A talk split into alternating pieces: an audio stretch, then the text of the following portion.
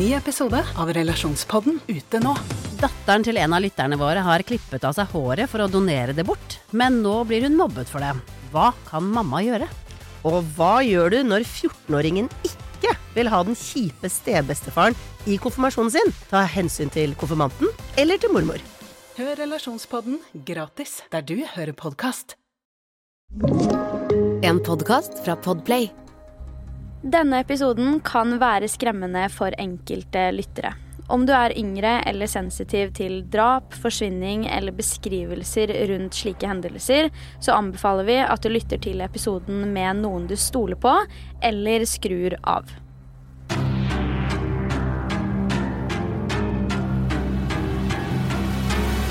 Hei og velkommen til en helt ny episode av Forsyningsfredag podcast. I denne ukens episode så skal vi ta for oss saken om en ti år gammel jente som har en historie som tilhører sjeldenheten. Katie Beers gikk gjennom den verste omsorgssvikten i noen av sine mest innflytelsesrike år. Og denne saken kan egentlig sammenlignes litt med Natasha Campers-saken som vi snakka om for et par uker siden, selv om denne i større grad omhandler mennesker som absolutt ikke burde satt Katie i posisjonen hun ble satt i. Men uansett, la meg ta deg helt tilbake til start. Katie Beers ble født den 30. desember 1982 i Long Island, New York. Her så bodde hun sammen med moren sin, Marilyn Beers, og halvbroren John Beers. Ut fra hva jeg kunne finne, så virker det som at barndommen og oppveksten til Katie ikke akkurat var den beste, og at hun opplevde ganske ekstrem omsorgssvikt fra personene som skulle stå henne aller nærmest, allerede fra toårsalderen. Jeg kan jo begynne med å fortelle at moren til Katie ble gravid etter at hun hadde tatt med seg en fremmed hjem fra byen, og valgte å beholde barnet.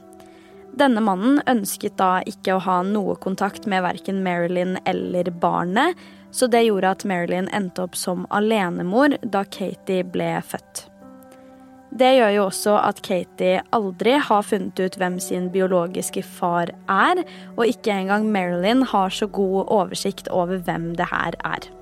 Katie hadde jo også en litt eldre halvbror, og han var egentlig den første og eneste mannlige figuren i oppveksten til Katie, så hun så veldig opp til han og har fortalt at han på en måte fungerte litt som en farsfigur, selv om han var halvbroren hennes. Katies omsorgspersoner gjennom oppveksten var da moren og halvbroren, men også gudmoren hennes Linda og hennes ektemann Salvatore. Sistnevnte går stort sett under kallenavnet Sal, så det er det jeg kommer til å referere til han som herfra. La oss snakke litt mer om oppveksten til Katie, for til tross for at hun aldri kjente til sin biologiske far, så er det en hel rekke andre ting som påvirka Katie i mye større grad. Moren hennes begynte nemlig etter hvert å være veldig fraværende.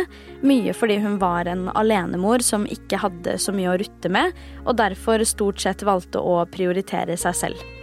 Hun var arbeidsledig og dro heller aldri rundt på jobbintervjuer eller gjorde noen innsats for å verken få det bedre selv eller for å skaffe seg en inntekt. Det er jo klart at det her ikke legger grunnlag for et trygt og stabilt hjem for barna også. Marilyn reiste også mye bort og forlot Katie og halvbroren alene i huset, og ut fra hva jeg kunne finne, så virker det virkelig ikke som at hun brydde seg noe særlig om akkurat hva som foregikk med dem, da hun heller ikke gjorde noe innsats for å skape et bedre liv for barna.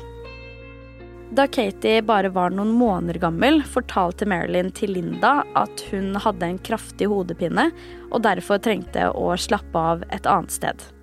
Hun spurte da Linda om de hadde mulighet til å passe på Katie i noen timer, til hun da hadde fått slappe av og kommet i hektene igjen, og de sa ja, uten å blunke engang. Det er også etter disse timene med barnepass at Linda og Sal finner ut at de ikke skal tillate Marilyn å få tilbake Katie igjen, så Katie selv har sagt at de mer eller mindre kidnappet henne allerede da hun bare var noen måneder gammel. Man kan jo kanskje tenke seg at det skulle vært for det bedre, og at Linda og Sal tenkte at det var mye bedre at hun bodde der, med tanke på at Marilyn var så fraværende og ikke viste noe tegn til å bry seg om barna. Men i realiteten så gikk Katie og halvbroren fra et hjem med omsorgssvikt til et annet. Katie Beers har selv fortalt at hun var to år gammel den første gangen hun ble utsatt for vold og misbruk i hjemmet og gjerningsmannen var ingen ringere enn Lindas ektemann Sal. Hør på dette. It was from about maybe two years old until about eight years old that Sal was abusing me. Um, the abuse ranged from verbal and physical to sexual, um, with him inappropriately touching me, with him making me touch him, um, or with just complete penetration. Så Katie forklarer altså da at fra hun var to til åtte år gammel, så ble hun utsatt for både fysisk og verbal vold, i tillegg til seksuelt misbruk av det som skulle være en av de hun kunne stole på aller mest, hennes omsorgsperson. Det er også verdt å merke seg at i løpet av denne tiden så var også barnevernet involvert og besøkte hjemmet, men det ble aldri noe sak ut av det, verken hjemme hos Marilyn eller hos Linda og Sal. Hvorfor har vi ikke et godt svar på, men det er jo synd å vite at de faktisk har vært involvert, men at det ikke ble gjort noe som helst med det, til tross for alt Katie ble utsatt for i såpass ung alder. Altså Her burde de jo definitivt ha tatt grep, men uansett så er dette med Katies erfaringer med både seksuelt misbruk og vold viktig å huske på til senere. Det er jo også sånn at Katie har måttet gå gjennom disse tingene allerede fra toårsalderen, og det sier seg jo selv at dette er et stort traume som må behandles eller bearbeides, og det er ingen enkel sak for en så ung person. Vi må snakke litt om John Esposito, som også er en sentral figur i denne saken. Han var nemlig en venn av Marilyn, altså Katies biologiske mor, og han hadde vært i livet til både Katie og halvbroren så lenge Katie kunne huske. Katie har selv forklart at John ble kjent med Marilyn da hun jobba som taxisjåfør før Katie i det hele tatt ble født, men at de to visstnok skal ha hatt en affære. Etter det skal han visstnok ha vært en ganske stødig person i livet til Marilyn, og rett og slett bare aldri dratt. Det virka altså som at han ble ganske glad i både Katie og halvbroren hennes etter hvert, og spesielt halvbroren fikk mye oppmerksomhet fra John. Halvbroren ble nemlig tatt med ut på både bowling og fornøyelsesparker, fotballkamper og lignende, konserter og alt et barn naturligvis vil elske. Fordi han fikk så mye oppmerksomhet fra John, så var det også sånn at Katie ikke hadde like mye kontakt med han, ettersom hun ikke ble tatt med på alle disse tingene. Men hun har også forklart at John faktisk var den personen som kjøpte Katies aller første sykkel til henne. Og det var også han som faktisk lærte henne å sykle i utgangspunktet. Katie forklarer at han definitivt var en person hun stolte mye på, frem til hun ikke gjorde det. Han var visstnok også en del av et program som het Storebror og storesøster, som hadde som hovedoppgave å gjøre samfunnet trygt for de yngre, og rett og slett engasjere dem i kultur. Det gjorde også at John ble ansett som en veldig trygg person å være rundt, og ble referert til som en storebror av mange barn i området. Ha også i bakhodet at på dette tidspunktet blir Katie fremdeles utsatt for seksuelt misbruk og vold av Sal. Gjennom alle disse årene hadde det vært en kamp om foreldre- eller omsorgsrett for Katie og halvbroren mellom Marilyn og Linda, men våren da Katie fylte ni år, endte hun opp med å flytte inn med sin biologiske mor på nytt. Grunnen til dette var fordi at halvbroren på en eller annen måte hadde klart å finne ut at Katie ble utsatt for misbruk og vold av Lindas ektemann, så da valgte Marilyn å ta grep. Jula 1992 forklarte Katie at var hennes første julefeiring uten Linda og Sal. Dette årets feiring skjedde heller sammen med Marilyn og halvbroren og bestemoren deres, Helen. Den samme jula hadde visstnok Linda, altså Katies gudmor, ringt til sin egen mor og spurt om ikke hun kunne få tak i Marilyn og spørre om Katie kunne tilbringe noen dager sammen med dem i jula. Hun ville nemlig stelle i stand en bursdagsfeiring for henne, ettersom hun hadde bursdag den 30. desember og fylte ti år. Marilyn var veldig skeptisk og tvilsom til dette pga. dette med misbruket og historikken som lå der, men til slutt sa hun at det var greit under visse rammer. Sal skulle ikke være i samme hus under noen omstendigheter, og han fikk heller ikke være i kontakt med Katie på noe som helst måte. I tillegg til dette fikk hun heller ikke lov til å tilbringe noe som helst tid med John Esposito heller. Som nevnt så ville jo Linda stelle i stand en bursdagsfeiring for Katie, og til tross for at Marilyn gjentatte ganger hadde sagt at John Esposito ikke skulle være i nærheten av Katie, så valgte likevel Linda å invitere han til bursdagsfeiringen. Katie har forklart at på denne bursdagen så fikk hun et Barbie Dreamhouse av John, som ikke var ferdigbygd ennå. John kom da med et forslag om at han gjerne kunne komme tilbake dagen etter, så kunne han bygge det for henne da. Linda sa at det var helt greit, så da kom John tilbake dagen etter, og da var det 28. desember 1992. Katie har forklart at han kom ganske tidlig dagen etter, og at det første de gjorde, var å bygge dette Barbie-huset, før han etter hvert spurte Linda om det var greit at han tok med seg Katie til en innendørs arkadehall som het Spaceplex. Igjen, til tross for hva Marilyn hadde sagt om at John ikke skulle være i nærheten av Katie, så syns ikke Linda at det var noe galt i det her. Hun godtok da at John Esposito skulle ta med seg Katie helt alene til dette stedet for en tidlig bursdagsfeiring. Katie selv hadde jo fått beskjed om at hun ikke skulle være rundt John, så hun fortalte til og med til Linda selv at hun ikke hadde lyst til å dra, og brukte argumentet som Marilyn hadde kommet med tidligere, om at hun ikke fikk lov til det.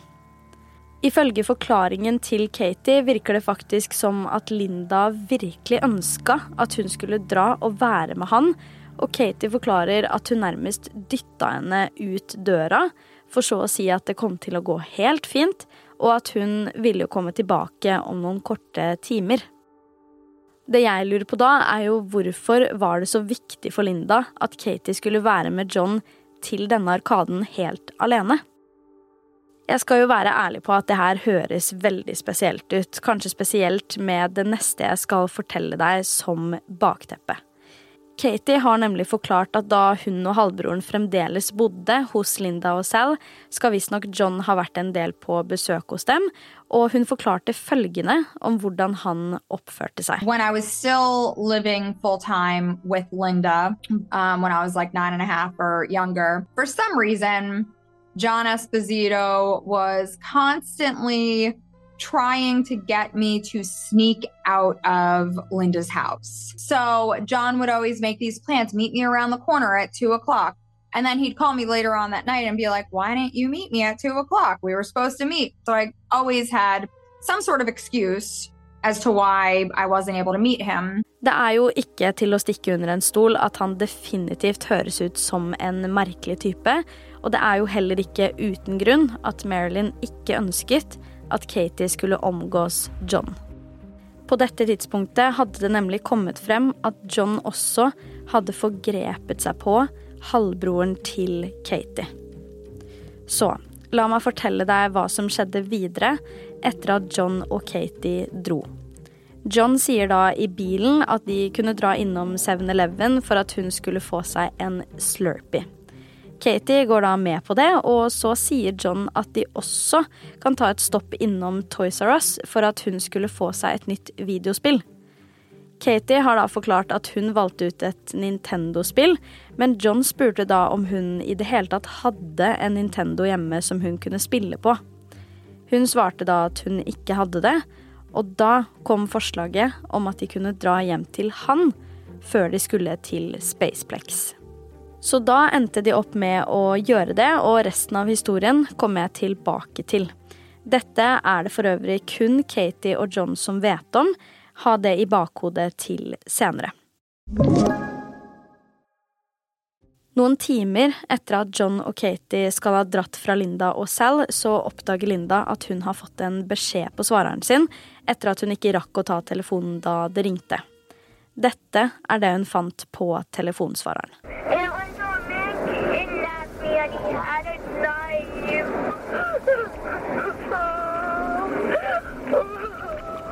Oh no, here he comes. I gotta go. Katie.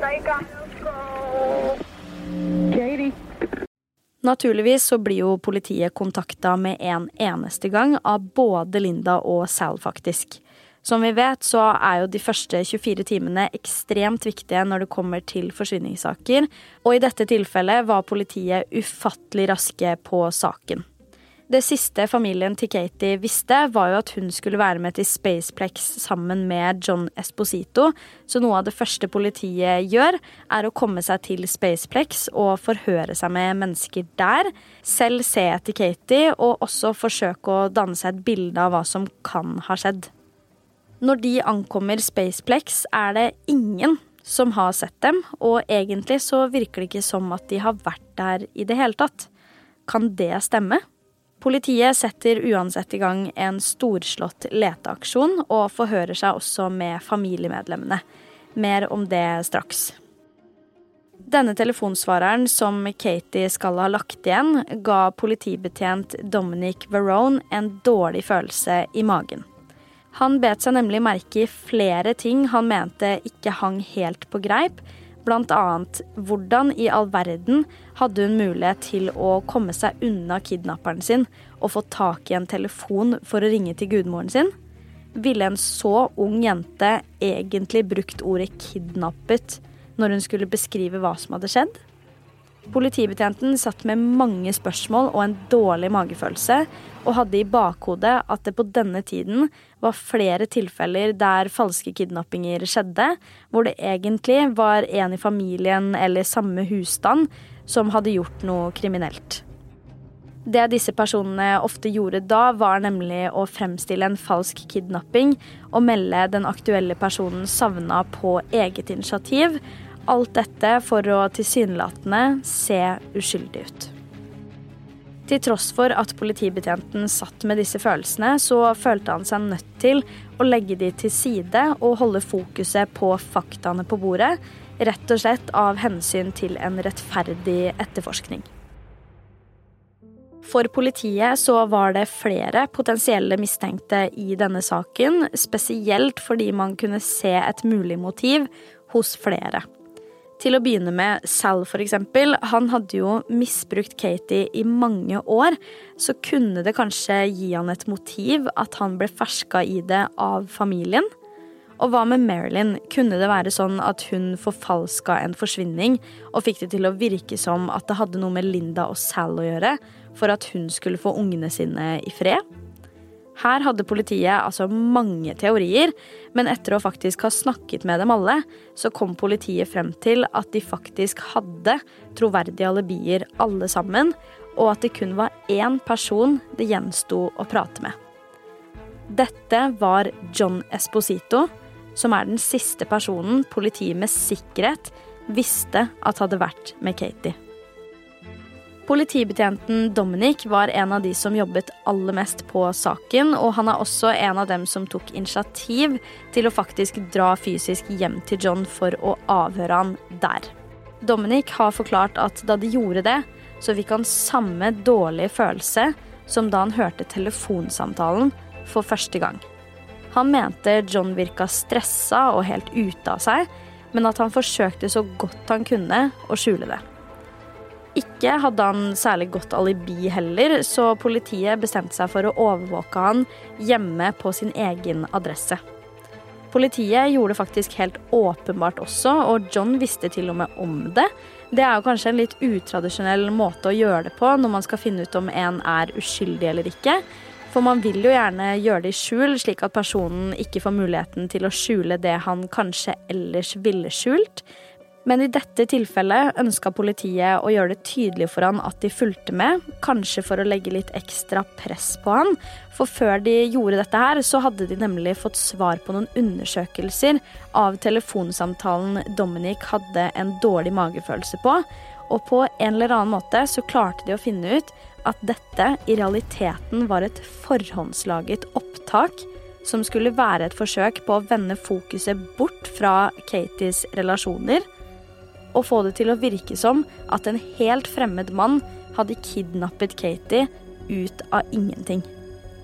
Realiteten var en helt annen, og egentlig hadde John Esposito spilt av dette lydopptaket i en telefonkiosk utenfor Spaceplex for at det skulle se ut som at Katie hadde løpt dit for å si fra. Det skulle nemlig vise seg at John Esposito faktisk var mannen som hadde holdt Katie fanget i nå 16 dager. Det ble aldri noen tur til Spaceplex. Faktisk så ikke Katie dagslys etter at hun satte seg på soverommet til John for å spille det nye Nintendo-spillet sitt. Det som i virkeligheten hadde skjedd, var at John forsøkte å tvinge seg på Katie seksuelt, men da hun gjorde motstand, tvang han henne ned i et helt forferdelig sted han hadde brukt flere år på å bygge, og det er ikke uten grunn at de kaller dette stedet for en bunker. I flere år hadde John Esposito forberedt seg på kidnappingen av Katie, og kun Katie. Bak en tung bokhylle og det som så ut som en sjakt, hadde han bygget en tunnel som først leda litt nedover i bakken, så litt bortover, før den førte til et knøttlite rom.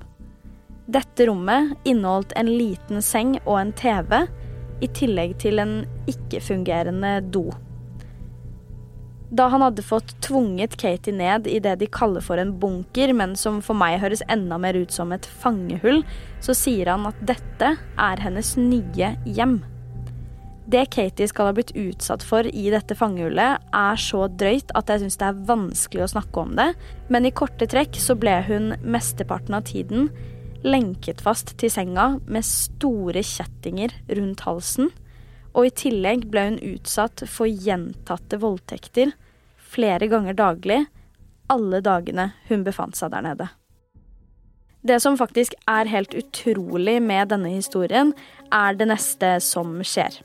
Katie selv har faktisk sagt at fordi hun hadde tilgang til å se på nyhetene, så hadde hun også en unik mulighet til å vite hva som ble sagt om saken hennes, om folk hadde slutta å lete eller lignende. Hun var bare ti år gammel, men hun visste at dersom familien eller politiet ga opp å lete, så kunne det bety at hennes siste time var kommet. Katie fulgte derfor med så mye hun kunne, og har sagt at da hun så Marilyn på TV-en, så kjente hun at hun ble lei seg og glad på samme tid, for den biologiske moren hennes var tydelig preget av situasjonen og ønska bare å få datteren hjem igjen. Da hun så Linda og Sal på TV-en derimot, så ble hun forbanna etter alt de hadde gjort mot henne. Som nevnt hadde jo John et vanvittig press på seg fra politiets side, men så fort Katie skjønte at han hadde det presset, så valgte hun også å utnytte det så godt hun kunne. Hun begynte da å spørre han om hva som var planen langsiktig. Hun ville jo stifte en familie og få barn og alt sammen. Hun kom også til å trenge en jobb, så hun prøvde da å komme inn i hodet hans og forstå hvordan han planla å løse disse tingene, for at det forhåpentligvis skulle vippe han av pinnen. I begynnelsen sa han at han kom til å gifte seg med henne så fort hun fylte 18 år, og da kom de to også til å få barn og skape en familie sammen. Så det kom til å løse seg helt fint, mente i hvert fall han. Etter hvert, etter hvert endra imidlertid tonen seg helt, da han kanskje innså hvor galt det han drev med, faktisk var. Etter noen dager med skikkelig stress og press valgte faktisk John selv å gå til advokaten sin og fortelle at han visste hvor Katie var, og sa at det var han som hadde holdt henne fanget under huset sitt i alle disse dagene. Han innrømmet alt sammen, og ønska faktisk selv å snakke med politiet. Han forklarte dem da hele historien fra start til slutt. Hvordan han hadde bygget dette fangehullet, at han hadde planlagt det, og han viste også hvor fangehullet var. Da politiet endelig fikk reddet Katie, ble politibetjenten Dominic sjokkert over hvor sterk Katie var. Han sa faktisk at det virka som at hun nettopp hadde kommet hjem fra en fornøyelsespark. Hun virka glad, og det var sånn han skjønte at hun kom til å overleve dette her på en bra måte. Funnet av Katie skjedde den 13. januar 1993. Så fort Katie kom ut av dette marerittet, så ble hun tatt hånd om av barnevernet og fikk ganske raskt en fosterfamilie som hun også i dag kaller familien sin. Hun har siden den gang vært veldig tydelig på at hun ønsker å dele sin historie, dele av sin lærdom og være et godt forbilde som foredragsholder og forfatter. I nyere tid så har vi også fått se Katie på Dr. Phil Show, og hun har også gjort flere dokumentarer opp gjennom årene. Katie har selv gifta seg med en eh, fantastisk mann, og selv også fått barn, til tross for alt hun ble utsatt for omtrent fra hun ble født og til hun var ti år gammel. Det er jo ikke vanskelig å forstå at ti år med traumatiske hendelser ikke bare går over av seg selv, og det er helt utrolig å være vitne til en så fantastisk sterk dame som nå eier sin egen historie og ønsker å dele sin lærdom rundt alt hun har opplevd. Du har hørt Forsvinningsfredag podkast med meg, Sara Høydahl. Tusen takk for at du har lytta til episoden. Vi er tilbake med en helt ny allerede neste fredag, og i mellomtiden, ta vare på deg selv.